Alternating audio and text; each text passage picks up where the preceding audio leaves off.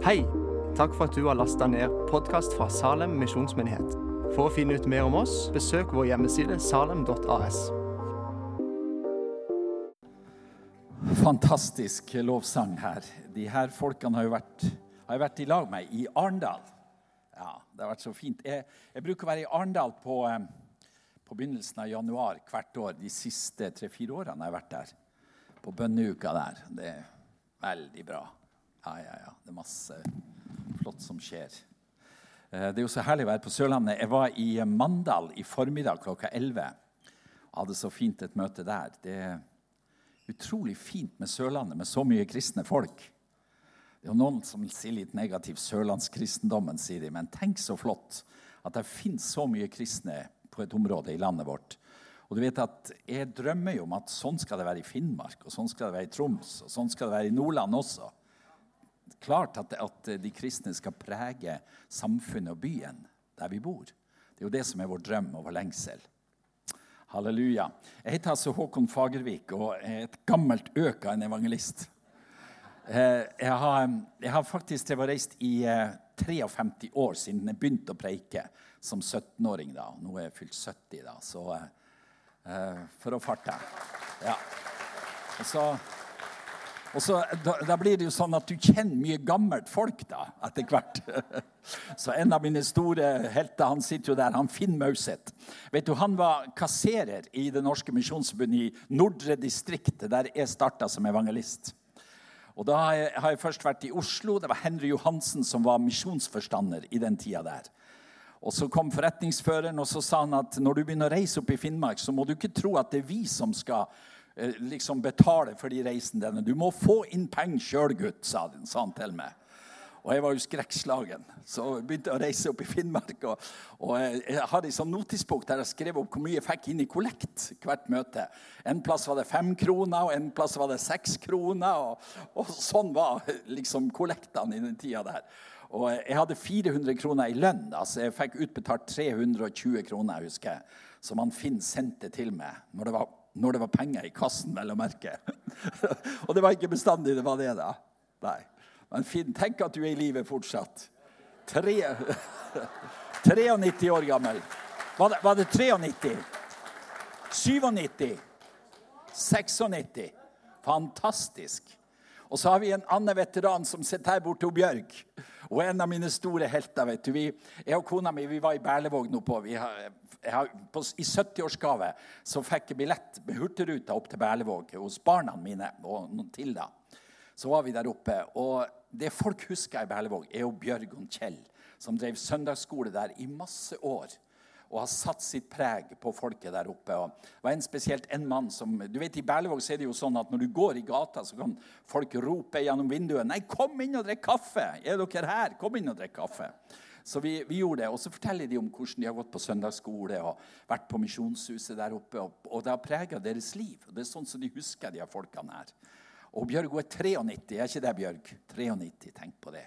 Jeg har ei, jeg jeg har ei, jeg ei tante som blir 104 nå. Eh, og så hadde en bestefar som ble 105. Så eh, det er interessant. Bjørg, da har du ti år, ti år til hvis du skal bli like gammel som hun, hun tante Alfhild. Ja. Men eh, du vet at det her er så stort å få lov å leve med Gud gjennom et langt liv og få være et Guds barn. Det er en fantastisk nåde over livet vårt. Uh, og jeg, jeg, hadde så veldig lyst til å synge en sang, ser du, men jeg vet ikke om jeg får det til her som jeg gikk og nynna på i formiddag, som ikke har sunget på mange år, men som er så fin, og som dere gamle iallfall kjenner til. Jeg, må, jeg, tror jeg må ta den. Jeg fant en gammel kassegitar her ute. Får vi se. Det blir jo ikke sånn som de her profesjonelle som har vært der nå, da. Men eh, jeg får ta det enkelt. Går det bra, Geir? Ja, Gitaren til Kjell Hvitt. Du verden.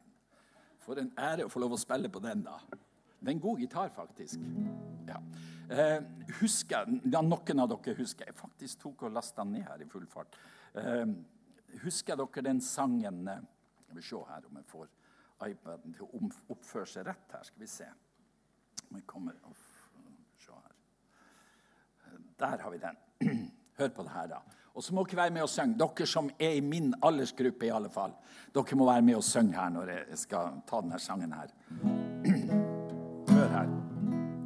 Jesus, meg selv jeg deg bringer. Legger meg ned for din fot. At du meg evig skal leie. Jeg er jo kjøpt med ditt blod. Og første verset må du høre her. Hva skal jeg gi til min frelser? Hva kan jeg gjøre for ham? Røkelse, myrra, juveler ei kan forslås til Guds lam. Og ser du med på koret her? For Jesus meg selv jeg deg bringer. Legger meg ned for din fot. At du meg evig skal leie. Jeg er jo kjøpt med ditt blod. Jeg må ta ett vers til. Går det bra, Geir? Hva skal jeg gi til min frelser? Lepper som priser hans navn. Føtter som går på hans stier. Dyrkjøpte sjeler til gavn. Jesus, meg selv jeg deg bringer. Legger meg ned for din fot. At du meg evig skal leie. Jeg er jo kjøpt med ditt blod Jeg Kor en gang til, så er dere med her. Jesus, meg selv jeg deg bringer. Legger meg ned for din fot. At du meg evig skal leie. Jeg er jo kjøpt med ditt blod. Ja, det er fint sagt.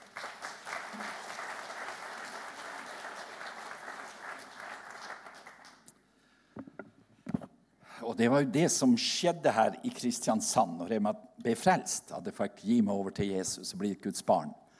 Og det er en sånn utrolig nåde å få lov å leve med Gud i, i hverdagen når man er 70 år også. Det er fantastisk. Jeg tok med meg ei bok som er brent for at du skal lese i sommer. Og Det er boka ut han Sebastian Stakseth, selvbiografien hans. Hvis du ikke har lest den, så må du få den med deg. Ei fantastisk bok. 'Bare lyset kan beseire mørket'. Og Det er litt av en sommerlektyre. Han er utrolig bra å skrive. Og tenk på denne karen her som Gud har reist opp fra et sånt tøft liv. En av verstingene i Sverige. Han leder her kartellet, denne rappegruppa. Og alle i Sverige vet om han. Når du møter svensker, alle vet hvem Sebastian er. Og så har han blitt frelst, satt i frihet. Og så sier han de siste to årene så er det over 6000 i Sverige som har tatt imot Jesus gjennom tjenesten hans. Fantastisk at Gud reiser opp sånne folk. Og, så den ligger ute i gangen. Du kan betale med VIPS og sånt der ute. Jeg har også et par CD-er der hvis du vil ha noe musikk i bilen din når du drar på ferie. Så kan du jo kjøpe en CD. Skal vi se om jeg får uh, iPaden til å oppføre seg her på nytt igjen. Det, når jeg forberedte meg her i dag til å skulle si litt til dere, så var det ei beretning som uh, kom så for meg, så jeg har prøvd å jobbe litt med den. da. Uh, og jeg tenkte jeg skulle snakke litt om den hjelpeløse bønn. Det å komme til Gud i sin nød når det virkelig er tøffe tider i livet vårt. Og Det står ei, ei utrolig beretning i andre krønikebok. 20. Dere, mange av dere kjenner det kapitlet om kong Josafat. Når han vinner denne store seieren imot tre hæravdelinger fra forskjellige folkeslag som er kommet imot ham. Eh, og så er det så utrolig bra, det som eh, står i kapitlet, hvordan de vinner den seieren der. For plutselig så roper de til Gud at vi er helt hjelpeløse. Vi har ikke kjangs å stå imot denne store hæren som kommer imot oss. Men så sier de i vers 12.: Vi vet ikke hva vi skal gjøre, men våre øyne er vendt imot deg. Og Det er liksom nøkkelen i det verset her. Vi vet ikke hva vi skal gjøre, men våre øyne er vendt imot deg. Og Dette er en utrolig bra lærdom når eh, livet er tøft for oss. Når det er vanskelig. og Alle sammen opplever jo det i perioder. Vi seiler jo ikke bare på en sånn rosenrød sky hele livet. Men livet kan være tøft og vanskelig. Og så er det så utrolig viktig å lære seg det her, at våre øyne kan vendes imot Han, der vår hjelp kan komme ifra. Og denne Beretninga er interessant fordi at eh, når de eh, i sin hjelpeløshet roper til Gud, bøyer seg på kne og roper og faster og ber, så kommer det en profet som sier at denne krigen her, det er ikke deres krig, det er Guds krig. Det er Herren sjøl som skal stride for dere. Og Så står profeten og så sier han, det eneste dere skal gjøre, dere skal lovprise mitt navn, og så skal jeg ta med av striden. Og Så står det hvordan Josafat tar fram de her lovsangerne. da. Og så plukker han de ut, og så står det sånn her Skal vi se, Ta han på med de her veldig bra brillene jeg kjøpte fra Kina. Ti kroner stykket, er det ikke fint? Akkurat passelig størrelse. Ja. Så står det her ifra vers Hvis du har Bibelen med deg, så se i fra vers 20. Tidlig neste morgen brøt de opp og dro til Tekoa-ørkenen. Med det samme de dro ut, trådte Josef fram og sa.: Hør på meg, judere og dere som bor i Jerusalem. Vær tro mot Herren deres Gud, så skal dere stå støtt. Vær tro mot profetene hans, så skal dere ha lykke med dere. Etter å ha rådført seg med folket valgte han ut sangere som skulle lovprise Herren i hellig skrud. De dro ut i spissen for krigerne mens de sang. Pris Herren, for evig varer hans miskunn. Er ikke det fint? Det er et litt fint lovsangskor, det der. Det, det, gjentok de altså når de gikk imot denne store fiendeherren. Foran Israels hæravdeling så sang de 'Pris Herren, for evig varer hans miskunn'. Og du vet det her med, med Guds miskunn og Guds nåde imot oss. Det er noen utrolig sterke saker, der Gud kommer igjen og igjen og gir oss ny nåde og ny kraft og ny miskunn. Der vi får lov å klynge oss til Han, og så opplever vi at Han er den nådefulle Gud som kommer oss til hjelp. Jeg har seks barn, og, og så har jeg 16 barnebarn etter hvert. Så jeg er jo, jeg er jo rik på den måten der. Men det er klart, har du seks barn og har du 16 barnebarn, så har du sannelig noe å bekymre deg for. Jeg vet ikke om du har vært bekymra for barna dine og for barnebarna. Jeg har vært masse bekymra. Og, og, av og til så kan det liksom ta fokus ifra det når du bekymrer deg veldig. Du vet De lever oppe i veldig tøff tid. Det, det er utrolig tøft for unge mennesker i denne tida. her. Jeg vet ikke om dere har fulgt med denne rettssaka som har vært nå, om den 17 års gamle gutten som har drept henne jenta på 16 år. da. Uh, og så har de liksom snakka om den. og så den gutten, han, han, De ble spurt ham hvorfor gjorde du det. Så sier han sa, jeg satt bare hjemme og kjeda meg, og så fikk jeg så lyst til å drepe noen. sa han. Og Så går han ut og dreper en av vennene sine. Med 21 knivstikk dreper han denne jenta her. Og Så spør de advokaten hva er det som gjør at denne gutten har blitt sånn. Og Så sier han tenk deg en gutt som sitter på gutterommet sitt i 15-16-årsalderen og mater seg med det verste som fins på nettet. Ut av vold, ut av sex, ut av alt det groveste som fins. Og det begynner å prege hans liv. Da vet du hvorfor denne gutten gjorde det her. Og så var det en psykolog som sa det at også er foreldrene det er de dummeste som fins. For de tror at mine barn de gjør jo ikke sånn. Men sånn er det veldig mye ungdom. Mesteparten av ungdom ser på sånt. Og hvis de ikke vil se det sjøl, sier denne psykologen, så presses de ut av klassekamerater til å se på grovere og grovere ting som er med å bryte ned deres liv. Og du vet, når jeg var gutt, så var, kunne bestemor og bestefar bety ganske mye i ditt liv.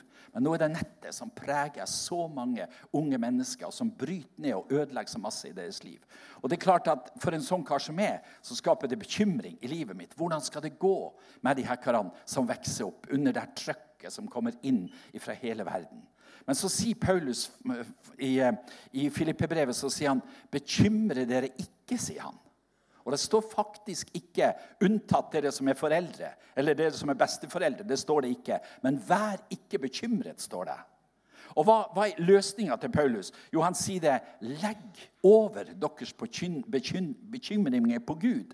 Det betyr at det finnes en instans der vi kan laste over det som vil trykke oss ned og bekymre oss. Vi kan laste det over på Gud og legge det på Han som kan bære våre bekymringer. Og du vet det her med, med å få kjenne Guds farshjerte, som det var snakk om her, å få kjenne Guds godhet og Guds nåde på en sånn måte som vi, som vi kan gjøre da, det, det, lærer oss at Gud han er en omsorgsgud som har omsorg for i vår nød, for vår familie, vår slekt. Vi kan få lov å legge det over på han. Som Josefat, vend blikket ditt, øynene dine, rette imot han. Og du vet at Josefat han, han vant jo en voldsom seier da. Eh, det står i eh, altså vi, vi, Josefat visste jo ikke avslutninga på hvordan det skulle gå. det her. Men vi, vi vet jo det, da. Så tenk på hvor, hvilken nød han sto i når han skulle møte den store hære der. Men så Historien avsluttes sånn. I vers 27 så står det på den fjerde dagen samlet de seg i lovprisningsdalen. Altså der krigen har foregått. Den ble nå kalt for lovprisningsdalen. Eh, og så står det og de lovpriste Herren. Derfor ble dette stedet kalt lovprisningsdalen, som det heter til denne dag. Så vendte de tilbake, hver mann av Juda og Jerusalem, med Josafat som deres overhode, for å dra tilbake til Jerusalem. Med glede for Herren hadde latt, denne, latt dem glede seg over, over sine fiender. Så kom de til Jerusalem med harpe, lyrer og trompeter, og de kom til Herrens hus og lovpriste Han. Eh, det var slutten på historien, fordi at de har nettopp vendt sine øyne på deres far i himmelen. Sett opp til han, og så kom han med løsninga inn i deres situasjon. Vi har en annen sånn eh, katastrofeberetning også i Guds ord. Det er Maria, den lille, eller unge jenta, kanskje på 15 år gammel, som blir gravid og skal føde Jesus. Og tenk på det, I det samfunnet der så kom ei sånn jente enten til å bli støtt ut av familien, og blir sikkert støtt ut av familien, og i verste, verste instans så ble hun steina. Det var det som de ofte gjorde med jenter som ble gravid utenfor ekteskap. Og så blir denne unge jenta Maria eh, gravid ved Den hellige ånd, og så eh, skal hun føde Jesus da. Og I første, første omgang så drar hun til slektningen sin og Elisabeth opp i fjellet og blir der i tre måneder. Og jeg tror det var egentlig for å beskytte seg mot det som kom til å skje. Og så er det at Gud han ordner det sånn at når hun kommer til Elisabeth, så vet Elisabeth med en gang at det her er Herrens mor som kommer til meg. For Johannes han hoppa i, i, hennes mors liv med det samme som skjer. Og så begynner Elisabeth å lovprise Gud. Så da var liksom det rydda av veien. Da var det ikke noe problem med hvorfor Maria var blitt gravid uten å være sammen med en mann. Og så er det at Maria begynner å lovprise Gud der oppe hos Elisabeth.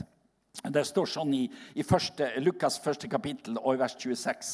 Og Maria sa, min sjel opphøyer æren, og min ånd fryder seg i Gud, min frelser. For han har sett til sin tjenesteskvinnes ringe stand. For se, fra nå av skal alle slekter prise meg salig. For han som er mektig, har gjort store ting for meg, og hellig er hans navn. Og hans miskudd er over dem som frykter ham ifra slekt til slekt en vidunderlig lovsang ut av Maria. Og Det er så interessant når det, den første setninga sier 'Min sjel lovpriser Herren'. Det er liksom å, å ta seg på taket og si at 'min sjel lovpriser Herren'. Og så neste setning så står det sånn 'Og min ånd fryder seg i Gud, min frelser'. Det er liksom Guds ånd som har tatt over. Og så står hun og fryder seg og gleder seg over det her, midt i den tragiske situasjonen som var kommet i. Og Så leser vi hvordan Josef har en drøm og drømmer at han skal ta Maria til seg, og hvordan det ordner seg i familien. Og så er det vi ser hvordan Gud er med Maria i hennes vanskeligheter når hun får denne beskjeden her. Og det her er så utrolig flott for oss å få lov å bringe ting til Gud. Komme med det til Han og søke hjelp der virkelig hjelp finnes. Eh, jeg har en, en videosnutt som jeg skal vise dere om litt her. Eh, Gud kalte meg veldig konkret til en folkegruppe på Filippinene som heter Warai, Warai-folket. Det er ca. fire millioner Warai. Og De bor på ei øy som heter Samar. Ei øy der, der, de fleste syklonene de kommer inn på øst der fra Stillehavet og ødelegger hus og, og avling. Og, så det er liksom den fattigste delen av Filippinene på Samar. Og så opplevde jeg et sånt veldig konkret kall. Og jeg, jeg tenkte på en liten tusseladd oppe fra Nord-Norge. Hva skal jeg gjøre på Filippinene? En helt annen kultur. Og, men jeg, jeg, opplevde det så sterkt fra Gud da. Og Så kom jeg ned til Filippinene, og så eh, begynte de å advare med de andre på Leite og på de andre plassene var, må ikke dra til Warai-folket, for de er så okkult. Warai, Warai, det betyr ingenting, ingenting. Så de kaller seg for ingenting-folket. Men de var så sterke i det, det, det, åndelige, med okkult kraft og, og, og, det som det representerte. Og de fortalte at de kasta voodoo, altså de brukte voodoo og kasta forbannelse på folk. Så evangelister som hadde reist inn, og misjonærer og pastorer, de hadde dødd under forbannelse. Og De sa det at når du kommer inn der, så kan de forbanne deg, sa magen din vokse og bli svær. Og Jeg har så mye, stor mage fra før at jeg har ikke lyst til at han skulle bli enda større. da. Og hjertet hadde eksplodert, sa de, og de hadde noen groteske historier. Og jeg kom ifra, opp fra Seløya på Helgelandskysten. Hadde ingen forhold til de onde ånder. Jeg bruker å si det at det eneste vi var litt redde, var litt skrømt i fjøsgangen hjemme på vinteren. når vi skulle på utedoet. Det var liksom det vi hadde av, av opplevelse av onde ånder. Og Så kom jeg inn iblant det folket der. Hadde med meg et bønneteam, noen sterke forbedrere fra Leite på, på Filippinene. Og så møtte vi virkelig de onde ånder når vi kom inn der. For det kom ei mor til oss med ei lita jente på en åtte-ni år som var inntatt ut av onde ånder. Hun hadde vært et medium for, for djevelen. Da, da hun, kunne, hun, kunne, helbrede syke, den lille jenta. Hun var en tre, fire og fem år. De, spesielt beinbrudd, sa de. De kom med folk som hadde brutt bein. så Hvis hun la handa på dem, så ble de momentant friske. Og så Under en sånn seanse så hadde hun blitt eh, helt forkrøpla, denne jenta. her. Lå i fosterstilling med lukka øyne og kneip igjen munnen og, og lå helt sammenkrøkt. Hun var kanskje åtte-ni år gammel da. Og Så begynte vi å be for gutten, Den eldste gutten min, Remi, var med. og Vi brukte timevis den dagen på å be for denne jenta, at hun skulle bli satt fri. Og Så begynte hun plutselig å åpne munnen og gjøre lyder og, og åpne øynene. og Mora var helt i ekstase. Det har aldri skjedd seg på flere år. Og Så begynte det å skje med denne jenta. Men vi var helt utslitt på slutten, og det gikk imot kveld, så tok hun med hjem og skulle komme med henne neste dag igjen. da. Og Så skjer det at en av de her sterke forbedrerne vi hadde med, hun skulle ned på toalettet, og vi, vi hadde leid et sånt forferdelig hus der i en by som heter Lorente, der det var slanger under gulvet nede på, på det her. Så folk var, ville ikke leie det huset pga. slanger, men vi fikk nå leie det. da. Og så, og, så, og så, skulle hun ned på toalettet, hun der dama, den bønnedama som vi hadde. Og så når hun kommer opp trappa, så ser hun den lille jenta igjen når hun kommer opp trappa. Og så ser hun at ut av den lille jenta så kommer det masse små skikkelser som angriper hjertet hennes. Og hun skriker til mannen sin 'Hjelp meg! Jeg blir angrepet av onde ånder', sier hun. Og så datt hun på gulvet, og vi våkna alle sammen. Vi lå på sånne rismatter da, der, på, på, et, sånt gulv der. Og vi begynte å be for henne her. Hun hadde ikke puls, hun pusta ikke, det var ingen hjerteaktivitet. Og vi trodde at hun var død. Og vi ba og vi ropte sånn til Gud at Gud, du må komme og gjøre ditt, ditt mirakel med, med, denne dama her nå. Og så hadde jeg tatt en sånn amulett ut av denne jenta som hun hadde rundt halsen, og lagt den på kjøkkenet. Og så var en stemme som sa det. Hent amuletten og uskadeliggjør den. Så jeg fikk tak i amuletten, og så brant den på en gassflamme på kjøkkenet der. Og plutselig så kom det liv i dama igjen. Og Så begynte hun å puste og så begynte hun å gråte, og så og var hun veldig skremt ut av den opplevelsen. Og Vi var jo skrekkslagen, vi som var i lag med henne, at de onde ånder hadde en sånn makt. Og så tenkte jeg og sa jeg til Gud at Gud, hva skal jeg gjøre? Jeg kan ikke være et, la meg et sånt folk der, der vi blir angrepet og tar de onde ånden hele tida. Hva skal jeg gjøre? Og så skulle vi ha møte på kvelden i en by som heter MacArthur. Og vi har samla kanskje 300-400 eh, mennesker på en basketballplass. Og Så sto vi der og skulle forkynne Guds ord. og Plutselig så bar de inn i en mann som var lam i byen på møtet. Satte ham foran plattforma vår der. I en sånn hvit plaststol satt han. Og så skulle vi be for syke på slutten, og be for folk. da, og De strømmer fram. og De var så grepne av evangeliet. Jeg husker de gråt så de var våt på T-skjorta si, mange. Jeg forkynte om Golgata kors og kraften i det Jesus har gjort.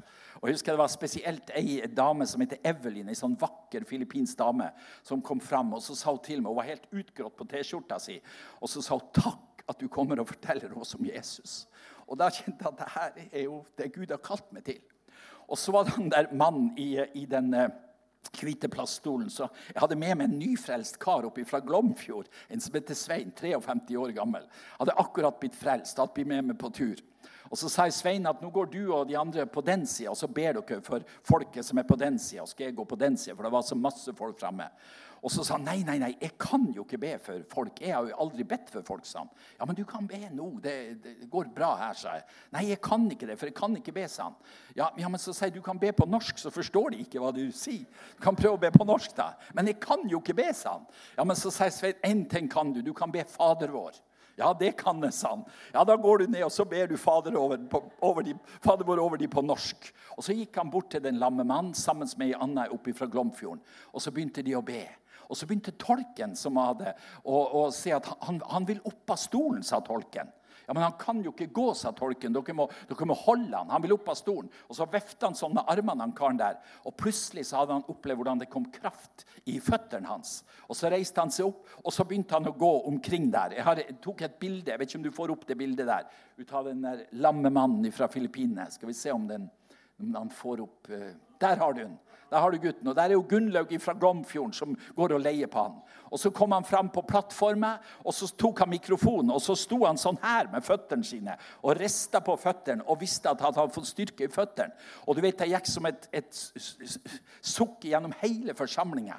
Og der var nøkkelen som Gud hadde for at vi skulle komme inn blant varaifolket. Og eh, Så begynte det å spre seg rykter til de andre landsbyene og byene. Det kommer noen som kan helbrede syke, og som kan drive ut onde ånder. Nå er de her. Og så samles det store folkemasser. Og I dag så har vi et fantastisk arbeid på Filippinene. Tusener som har blitt frelst. Sist det var der nå, så døpte vi 260 i Stillehavet. Vi, eh, vi ba med over 1000 til frelse. Du vil se på den videoen. Får dere til den videosnutten der? Vi må prøve å Går det bra, det? Du får den opp. Skal dere se, det her ble sendt meg på bursdagen min når jeg fylte 70 år i, i, eh, september. Får du lyden? Får du bra lyd på den? Skal vi se. Det må være lyd på den, vet du. Får du det ikke til? Kan, han kan ikke finne noe lyd, nei. Det er som veldig bra lyd på den også. men... Der står vi i stormøte. Her var det 1000 som ble frelst. Her døper vi 260 i Stillehavet. Fantastisk. De døper folk hele tida der nede nå. Det er vekkelse som brenner. Jeg var 600 ungdommer som tok imot Jesus på det møtet her. Ja. Nei, det, det, må være lyd, vet du, fordi eh, det er det som er bra med den. Men dere har teksten der, iallfall. Ja.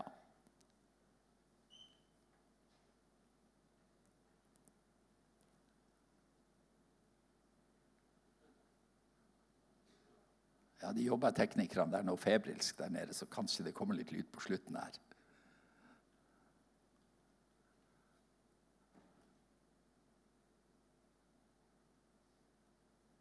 Skal vi se.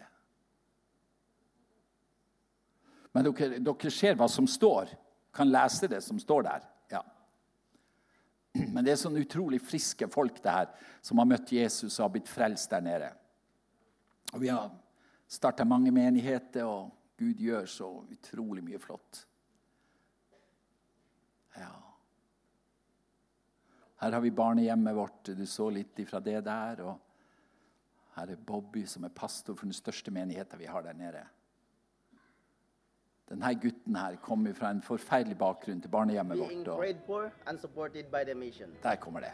Thank God. Just this year, I graduate college. Immediately, got a job and used to it to support my disciple. I disciple people and lead them in sharing the gospel to others. Da kjører vi på nytt igjen. Går det bra, det? Har dere tid til å se det der? Across the land in every nation A call to all who swear allegiance to the cross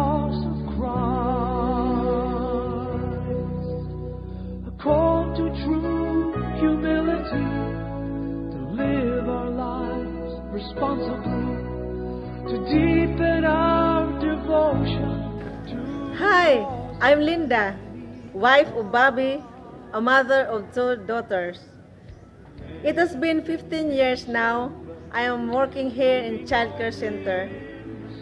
Today, I am currently studying education, hoping that we using classrooms for reaching new generations for Jesus. Bobby and I lead our family for prayer and devotion to God.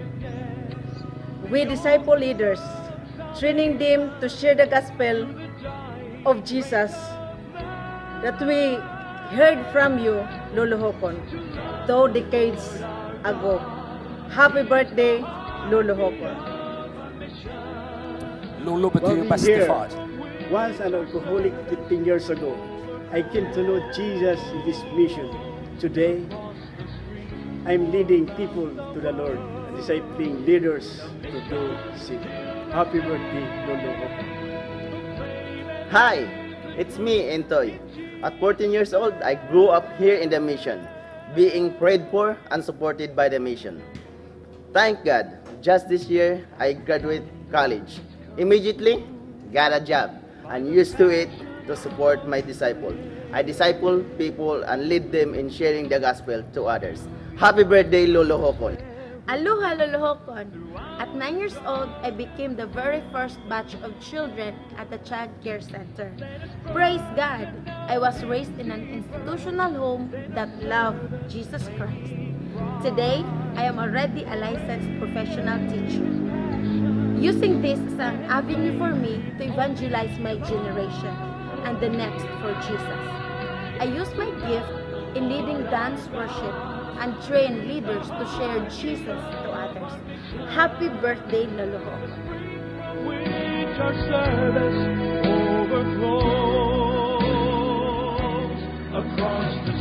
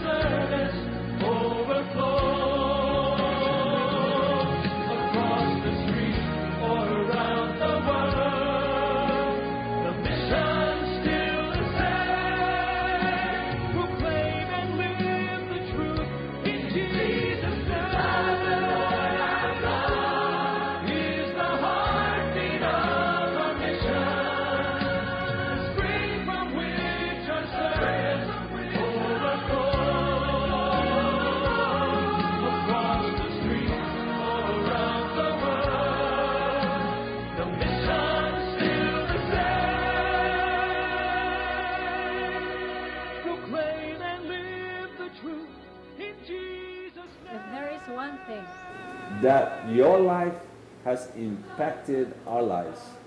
It is your love for Jesus and love for the lost. Lolo Hokon, we cherish, we embrace, and we live this as part of our lives as we recognize and honor you as a mission founder in Eastern Samar.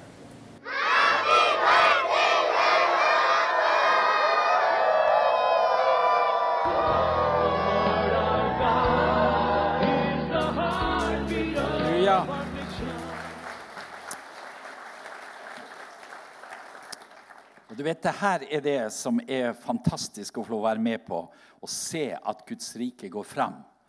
Å og se at det som blir sådd kanskje i svakhet og elendighet, begynner å blomstre fordi, at Gud er med oss.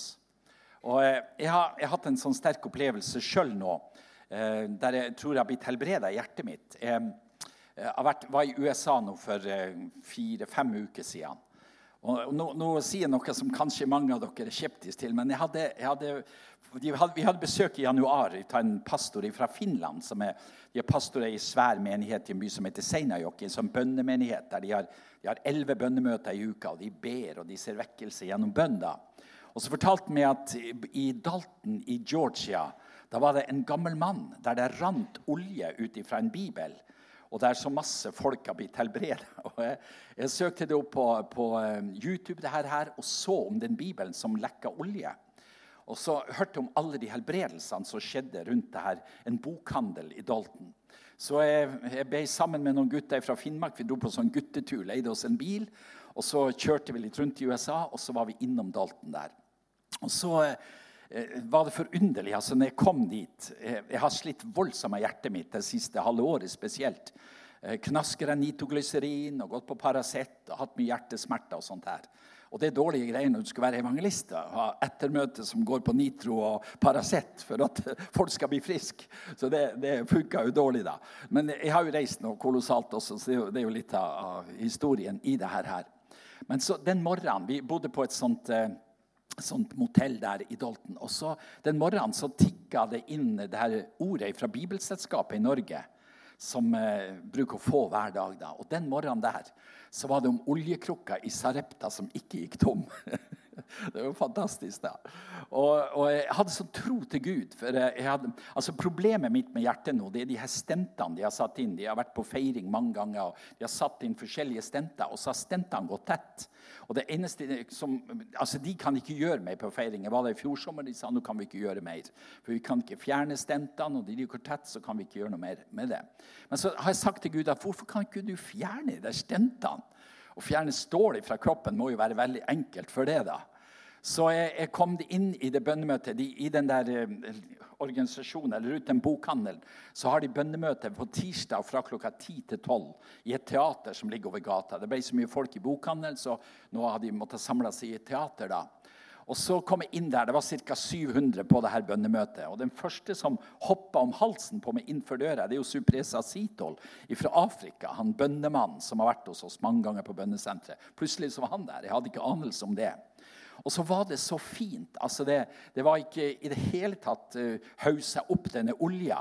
Men uh, det sto en sånn, en sånn hvit plaststamp, gjennomsiktig plaststamp på et bord med Bibelen oppi, som var full av olje. da. Og Han sa det, han som har denne Bibelen, at den morgenen der så hadde han og kona de hadde tappa åtte liter med olje som hadde rent ut av denne Bibelen. da. Og så sa de men det er ikke olja det her er snakk om. Men det, det miraklet. At det kan renne olje ut av en bibel. Det er så mirakuløst at da kan Gud gjøre hva som helst. Og det har økt deres tro.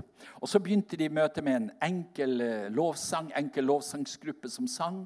Og så var det sterke vitnesbyrd. Kreftsyke som var blitt helbredet. En som hadde hatt slag og vært lam, som har blitt reist opp. Ei dame som har vært så langt nede psykisk og blitt helt frisk gjennom at hun har kommet på de her bønnemøtene og blitt bedt for.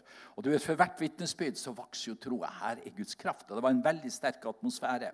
Og så var det ikke haussa opp på noe vis. Det var noen enkle mennesker. Han Gamlingen som har den Bibelen, han er 83 år gammel.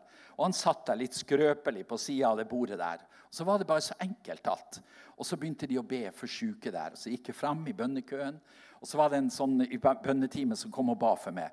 Og Guds kraft kom over meg. Jeg ramla om på gulvet og ble liggende der en stund. Og så var det at Før jeg dro til USA det, det siste jeg var, fikk tak i på Gardermoen på apoteket, det var nitroglyserin.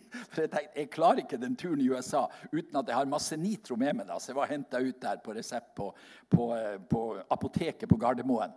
Og så er det blitt sånn at etter det bønnemøtet der i Dalton, så har jeg ikke hatt behov for nitroglyserin. Så, så hva som har skjedd, jeg vet ikke. Men i alle fall så på, for, for, to, for to lørdager siden så sprang jeg opp i Torgathullet på Atme Brønnøysund sammen med filippinske venner som var på besøk hos oss. Og det har jeg ikke kunnet gjort på 35 år uten at jeg må ta flere sånne nitro for å komme meg på plass. da. Eh, og jeg, tror at Gud har gjort noe helt spesielt med hjertet mitt. Jeg tror kanskje han har fjerna noen stenter og fått de ut på mirakuløst vis. Eh, men, men, det som, som er så sterkt, er at vi kan få lov å tro på miraklenes Gud når det er krise og vanskeligheter i vårt liv. Eh, vanlige mennesker lever i det naturlige, men vi er kalt for å leve i det overnaturlige. Og se at Guds kraft bryter gjennom. Og jeg kan stå her nå som et vitnesbyrd at fortsatt i dag så er Gud miraklenes Gud. Han kan gjøre under i ditt liv, han kan forandre din situasjon. Og svaret for oss når vi er i vår nød og i vår sykdom og med våre plager, det er at vi kan få lov å vende våre blikk på Han. Våre øyne er vendt mot deg. Søke Han og søke Hans hjelp og se at Gud griper inn med sin kraft.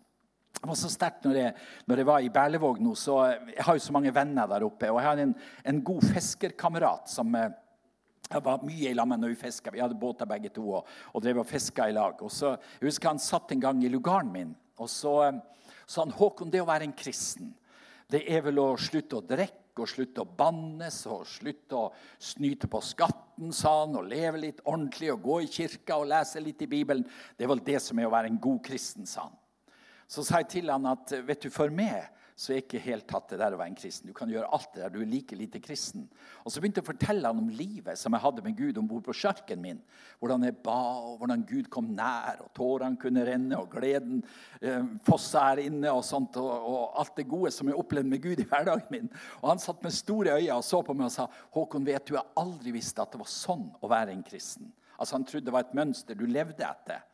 Og så fikk jeg lov å besøke ham på nytt igjen. Og det var så godt. Han er i, i samme aldersgruppa som meg. da. Og Så eh, satt vi der og drakk kaffe og prata i lag. Og så kom kona inn. Hun hadde vært ute og gått tur. Og så sa hun at jeg er så elendig i nakke og skuldre. Og, og eh, jeg vet ikke hva jeg skal gjøre. Jeg må gå opp i 20 000 skritt sa hun, hver dag for at jeg skal klare å løse opp ryggen min. Og har blitt påkjørt av en bil bakfra da. Og, og opplevd så mye elendighet pga. det. da. Så sa jeg til henne men jeg kan jo be for det, at du blir frisk i nakken og skuldrene dine. Ja, sa hun. Jeg har sånn tro på det, sa hun. Og så begynte hun å gråte. Og så eh, ba jeg jo for henne der, og, eh, både hun og mannen de hikstegråt. De syntes det var så gripende. det her. Og Gud var jo nær, da, så det var utrolig godt å, å be for dem. Og så Dagen etterpå så får jeg tekstmelding at all smerte er borte i nakke og rygg. Og, og jeg har fått et helt nytt liv, skriver hun. Og så skriver hun sånn her Takk at du kom og gjorde under med meg. Det var liksom jeg som har gjort under. da, Hun har ikke forstått at, at Gud var inne i bildet. da. Og så nå ringte han med, for et par dager siden han og sa at jeg har fått ei helt ny kone. sa han. Vi har vært ute og gått tur i dag, og, og hun snakker ikke om noe annet enn at hun er blitt ny. At alt er blitt forandra fordi at smertene i nakke og skuldre er blitt borte. Og egentlig så er det det her som vi kan få lov å formidle til det moderne mennesket. For, for det, det, går an å diskutere våre ord, og våre læresetninger og våre teorier. Men det å få lov å møte Gud og oppleve Gud til helbredelse blant, oppleve Guds kraft i sitt liv, det er vanskelig for mennesker å motsi det. Og tror du et sånt par som det der er vanskelig å snakke med Gud om i ettertid, når Gud har vært på besøk med helbredelse i deres liv? Og det skal vi denne sommeren få lov å være frimodige på. At vi kan få lov å dele Jesus videre til andre mennesker. Vi kan vitne om at vi har søkt ham, våre øyne har vært på han, og så har han kommet oss i møte og gitt hjelp inn i vårt liv. Og ditt vitnesbyrd er kraftige saker for å møte mennesker med evangeliet om Jesus Kristus. Så jeg vil bare si til deg at hvis du kjenner at du er inne i et mørke, at det er vanskeligheter for deg, at du har det tøft, så rett blikket ditt på Han. Se på Jesus. Han har omsorg for deg. Du kan kaste byrder over på Han. Og så kan du få lov å være en frimodig kristen denne sommeren her. For Guds godhet er med deg. Han ønsker å møte det og velsigne det og være med det i hverdagen din. Fordi at han er en far som har omsorg for oss. Så Det var det jeg var minnet om at jeg skulle si til dere i kveld. Jeg vet ikke om dere fikk noe av det. Men i alle fall så må dere vite det at vår Gud han er en god Gud. Du vet, Det er et bunn i min teologi som er sånn her, at min Gud han er en god Gud. Han er en god far, han er en himmelsk pappa som jeg får lov å relatere til. Og på hele det grunnlaget så ligger hele min forståelse av den gode Gud som har kommet oss i møte. Og Han ønsker å møte det. Kanskje det er du her i kveld som ikke er en kristen, eller som er kommet på avstand fra Gud. Kanskje er du blitt en frafallen. Du vet at du har ikke det livet du en gang hadde. Vi har så lyst til å be for deg i kveld. At du kan få møte Gud på nytt igjen. Og Jeg satt der nede så ble jeg så minnet om, jeg tror det er noen her som har slett mye med astma. Og jeg tror Gud ønsker å røre ved det denne kvelden her. Han er her. Og Er du sjuk, så vær frimodig og kom. Vi vil salve det med olje og be for det og søke Gud i sammen med det. Så kan du få lov å møte Jesus denne kvelden her. Denne vidunderlige frelseren som vi har. Og Hvorfor er det så mye kraft i det her med bønn? Vi, vi driver jo på med det bønnesenteret der oppe. Og eh, Nå har vi holdt på i 17 år på Levanger med bønnesenteret. Og vi har sånn tro på det her for å be for Norge og be for landet vårt. Og Paulus han sier det i, i, i 2. Korinterbrev 10 så sier han at våre våpen er ikke fra mennesker, men de har sin kraft fra Gud og kan legge festninger i grus. Og Derfor så har vi tro på bønn, at Gud kan forandre noe pga. til det kraft i de våpen som Gud har gitt oss. Den seier som Jesus vant på Golgata kors, der han avvæpna maktene og myndighetene, står der. Det er vår seier. Og i den seieren kan vi få lov å gå med Guds salvelse og frimodig være med og hjelpe mennesker som har det vondt og som er i nød. Så bruk det som Gud har gitt deg, og la være et redskap denne sommeren for Han til å bringe hjelp til mennesker som tørster og lengter etter Gud i vår tid. Herre, vi takker deg for din godhet imot oss. Takk at du er en vidunderlig Gud. Takk at du kom Josafat i møte når han var i den største nød. Takk at du hjalp Maria, Herre, i hennes situasjon. Og takk, Jesus, for det som har flytt ut fra mennesker som har søkt det opp igjennom historien. Og takk for at vi får være en del og være en kanal. Du har sagt om vårt liv, av dens liv som tror på deg, skal det renne strømmer av levende vann. Og jeg ber Herre at du skal få lov å bruke oss denne sommeren her som et redskap i din tjeneste. Og få lov å formidle liv fra himmelen inn i mennesket sitt liv. Du ser de som vi møter på her i løpet av ferien, mange av oss. Jeg ber at du skal både oppruste oss og hjelpe oss og bruke vår frimodighet til å dele Jesus med mennesker omkring oss. Og si til dem at det finnes en plass der du kan få hjelp. Du kan vende ditt blikk til Han, og Han vil komme og gripe inn i ditt liv med hjelp og styrke fra himmelen. Takk at du er her. Jeg ber du skal røre ved den enkelte i kveld. Herre, du ser mennesker som kanskje bærer på en dyp lengsel etter å møte det. Kom, Herre, kom de til møte i kveld med din hellige ånd. Ser de som er sjuke, ber at du skal rekke ut din arm denne kvelden med helbredelse og hjelp inn i mennesker sitt liv. Herre, vi søker det. Vi vender vårt blikk til det. Og så kommer du og gjør ditt verk iblant oss. Priset være ditt dyrebare navn. Amen.